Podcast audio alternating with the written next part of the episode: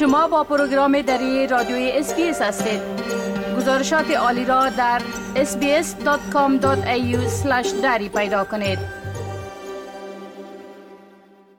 شنونده های عزیز اکنون همکار ما فضیل تصمیم درباره موضوعات مهمی که ای هفته در وبسایت ما به نشر رسیده معلومات میتن در صفحه اینترنتی اس به زبان دری با آدرس sbs.com.au دری هر روز مطالب جالب و دانستنی درباره تازه ترین رویدادها و تحولات در بخش های اجتماعی، سیاسی، اقتصادی و فرهنگی نشر میشه. فضیل جان تصمیم سلام عرض می کنم خب اولتر از همه اگر به صورت عموم بگوین که در یه هفته چی حوادث مهم رخ داده که در وبسایت ما هم انعکاس یافته. بله سلام خدمت شما و شنونده های محترم شکیب صاحب. مطالبی که در وبسایت ما در هفته به نشر رسید شامل این مطالب بود که حکومت استرالیا دلیل به توقف افتادن تعداد زیاد درخواستی های ویزا را آشکار ساخت. وزیر مهاجرت آشکار ساخت که در حال حاضر علت پس افتادن روند ویزا در کجاست؟ حکومت استرالیا پس از حمله هولناک روسیه به کیف اعزام اساکر استرالیایی را به اوکراین بررسی کرد.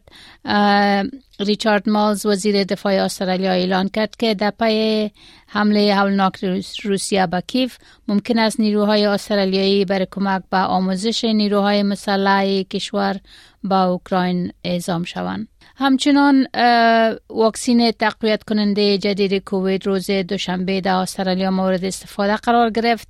واکسین دو ساله سپایک واکس از نوع واکسین مدرنا است که به تاریخ 10 اکتبر مورد تطبیق قرار گرفت.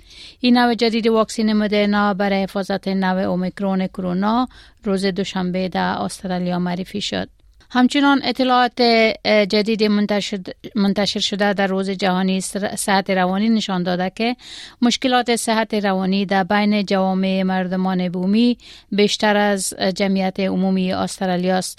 مردمان بومی و جزیره تورس بیش از دو برابر میزان جمعیت عمومی به دلیل خودکشی جانای خود از دست میتن. بله خب شما درباره آشکار شدن دلیل تاخیر در صدور ویزه ها گفتین میشه که در این بار لطفا یک مقدار تفصیلات بتین؟ بله حکومت استرالیا دلیل به توقف افتادن تعداد زیاد درخواستی های ویزا را آشکار ساخت. وزیر مهاجرت استرالیا میگه که تعداد ویزاهای انبار شده استرالیا باید کاهش بیافه تا اطمینان حاصل شود که این کشور می‌تواند در سطح جهانی در رقابت باقی بمانه. وزیر مهاجرت استرالیا گفت که حکومت در مقابله با این مشکل عظیم پیشرفت های داشته. در ماه جولای حکومت اعلان کرد که مصمم است به منظور رسیدگی به بحران کمبود مهارت در استرالیا عقب ماندگی در کار ویزاها را کاهش بده.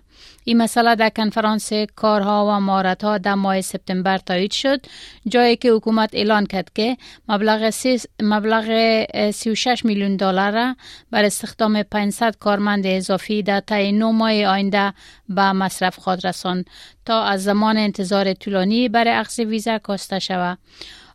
وزیر مهاجرت استرالیا همچنان در سخنرانی خود گفت که فعلا 260 کارمند اضافی بر روی درخواست های ویزا ها کار می‌کنند. و 260 نفر دیگر نیز در حال آموزش هستند. اداره بررسی مالی استرالیا گزارش میده که از اول جون در حدود 2.2 میلیون درخواست جدید برای ویزا دریافت شده. این رقم در مقایسه با سال گذشته در طول همگیر شدن بیماری کووید 19 که سرحدات بین المللی بسته شده بود 495 هزار بیشتر است. بله خب از واکسین سپایک وکس گفتین میشه که درباره این واکسین یک مقدار توضیحات بتین؟ بله واکسین جدید تقویت کننده کووید 19 فعلا در استرالیا در دسترس است اما برخی کسا در استرالیا ناراحت هستند که نمی‌تونن این واکسین به دست بیارن نوع جدید واکسین کووید 19 برای معافیت یافتن در مقابل نوع اومیکرون عموما برای کسانی که دور سوم و چهارم ای واکسین نگرفتن میسر است. او در کسایی که دور سوم و چهارم واکسین واکسین تقویت کننده را گرفتن باید هنوز منتظر باشند. در مورد خود از این واکسین این واکسین جدید به نام واکسین دو ساله Spikevax است که در ساختش از تکنولوژی مشابه فایزر و مدرنا استفاده شده. این واکسین تقویت کننده جدید از پیشرفت همه انواع بیماری های کرونا در دو سال گذشته جلوگیری می‌کنه. و از می خاطر است که ایرا واکسین دو ساله سپایک میگن. و برای انواع دیگر ویروس ها نیز مفید خواهد بود. در مورد ای که چی کسی می‌تواند دوز پنجم در استرالیا دریافت کنه گفته شده تنها کسایی که در حال حاضر دور پنجم واکسین برشان توصیه میشه افراد 16 ساله یا بالاتر هستند که با داشتن سیستم ایمنی ضعیف بیشتر در معرض خطر هستند. آنها می‌تونن دوز پنجم سه ماه پس از نوبت چهارم دریافت بکنند بله. خب فضیل جان بسیار تشکر از این معلوماتتان و فعلا شما را به خدا می سپارم و روز خوش برتان آرزو می کنم از شما هم تشکر. روزتان بخیر. بپسندید شریک سازید و نظر دهید. اسپیس دری را در فیسبوک تعقیب کنید.